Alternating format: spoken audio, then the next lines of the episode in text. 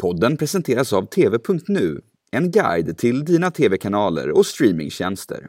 When they were at our house before they left on July 2nd, they were so excited. They were getting the van ready and they couldn't wait to go.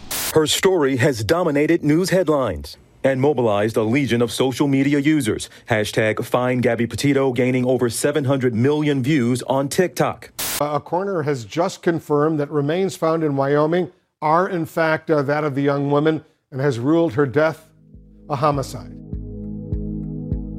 Ni har säkert hört talas om fallet med Gabby Petito, men låt mig ändå friska upp era minnen. 22-åriga Gabby från Florida och hennes pojkvän kampade tillsammans runt i USA i flera månader och dokumenterade samtidigt sin resa på sociala medier. Den 25 augusti pratade Gabby i telefon med sin mamma för sista gången. Den 1 september kom Brian hem utan sin flickvän och utan någon förklaring till vad som hade hänt. Den 19 september hittades Gabby Petito död, mördad i nationalparken Bridger Teton i Wyoming. Fästmannen Brian Laundry har gett sig av från sitt hem och är fortfarande inte återfunnen när det här avsnittet spelas in. Engagemanget kring det här fallet har varit enormt, både i USA och runt om i världen. Men all uppmärksamhet har också väckt debatt och diskussion. För var finns medierna och engagemanget när andra kvinnor försvinner? När kvinnor som inte är vita försvinner? Flera hundra kvinnor som tillhör ursprungsbefolkningen har till exempel anmälts försvunna i delstaten Wyoming under det senaste decenniet. Var är rubrikerna som rör dem? At the end of 2020, the FBI had over 89,000 active missing persons cases. 45% of those cases, people of color. Petito's story has renewed debate about which cases get attention and the media's seeming infatuation with missing white women. Aftonbladets utsända i USA, Emily Svensson, har följt fallet Gabby men också rapporteringen och diskussionen om vad man kallar för Missing White Woman Syndrome, alltså försvunnen vit kvinna-syndromet. Vad betyder det och hur ser den här diskussionen ut i USA? Det ska vi prata om i dagens avsnitt av Aftonbladet Daily. Jag heter Olivia Svensson. Emily Svensson befinner sig i New York när vi får tag på henne och hon får börja med att berätta vad det är för detaljer i fallet med Gabby Petito som gjort att det blivit så särskilt uppmärksammat. Men flera saker. Dels att parets resa ju har varit så väldokumenterad längs vägen. Det här att de åkte på en resa över landet och postade mycket bilder och videor under en hashtag vanlife. Ehm, det skapar en bild av ett väldigt lyckligt par på en slags idyllisk resa och sen är det någonting som händer längs vägen. Och det finns ju de här bilderna från polisens kroppskamera på hur man stoppat paret efter vittnen ringt nödnumret. Eh, Brian återvänder själv hem till Florida. Gabby anmäls försvunnen av sina föräldrar och nu saknas han själv sedan två veckor tillbaka. Det här startade ju ett enormt engagemang på nätet där man försökte lista ut vad som hänt genom deras konton och se om man kan hitta ledtrådar i deras poster på nätet. Så i realtid så försöker man vara med och lösa fallet på ett sätt som man inte sett egentligen i samma utsträckning förr. Så nu har fallet kommit att handla om mycket mer än bara Gabby, utan också lyfts till en större debatt som som kanske säger en del om samhället vi lever i just nu. Hur saker sprids på sociala medier, människors true crime-fascination, men också medias urval och bevakning av saknade personer och hur det påverkar hur polisen fördelar resurser. Ja, vi ska gå in på det som du nämnde här på slutet. Alltså att kvinnor försvinner, att kvinnor mördas. Det har ju vi tyvärr varit med om många gånger att vi har hört eh, sådana här historier och följt sådana fall. Men mediebevakningen kring just det här fallet har ju varit enorm.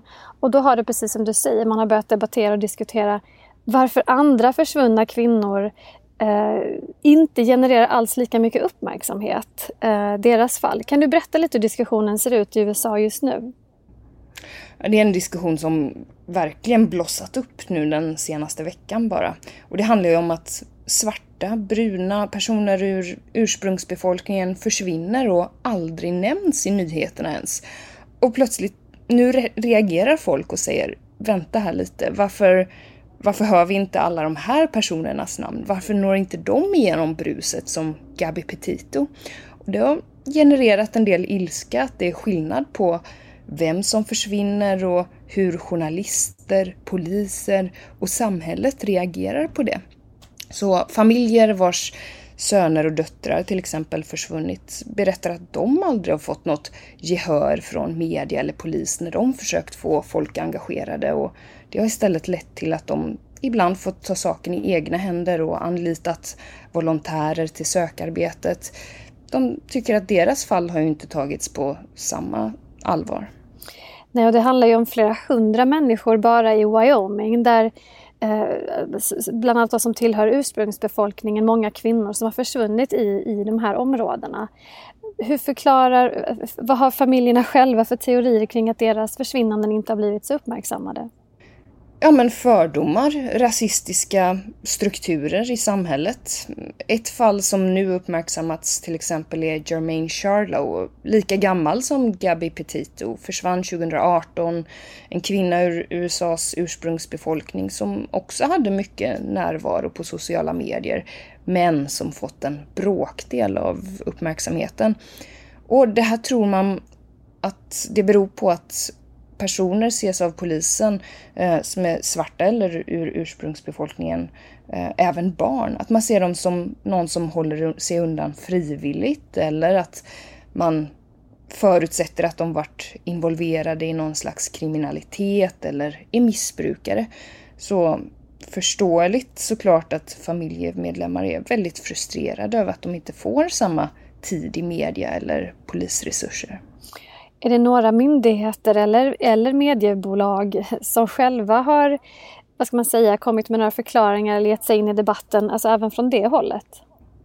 Man har ju debatterat detta väldigt mycket nu i USA och lyft många fler historier också i kölvattnet av Gabi Petit och verkligen uppmärksammat fler av de här personerna som försvunnit nu de senaste åren och diskuterade lite mer internt nu på redaktionerna verkar det som.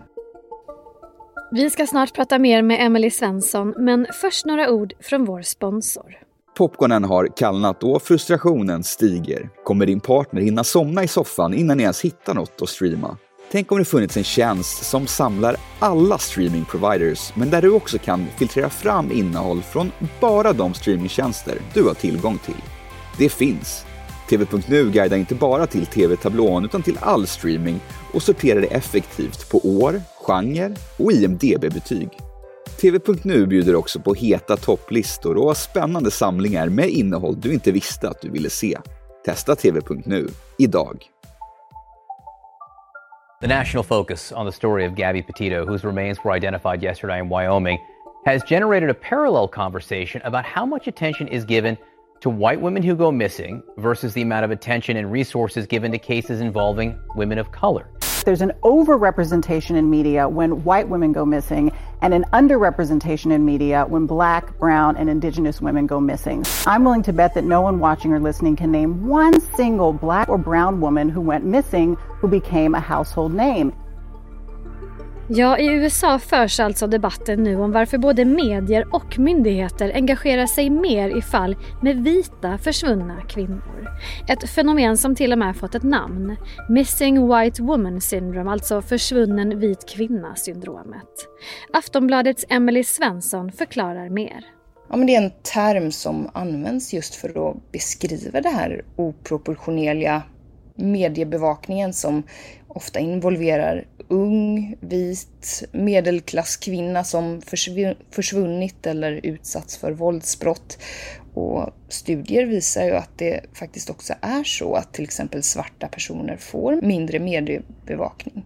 Eh, så det här avslöjar på något sätt att det tydligt finns den här rasistiska, en slags hierarki i samhället faktiskt. Och experter menar att vi i västvärlden är mer vilja att acceptera sådana här berättelser om vita som offer, som någon vi borde bry oss om. Eh, att läsare är engagerade, fler redaktörer lyfter fram den här typen av berättelser och polisen lägger mer resurser. Och det är någonting vi verkligen borde reflektera över i Sverige också.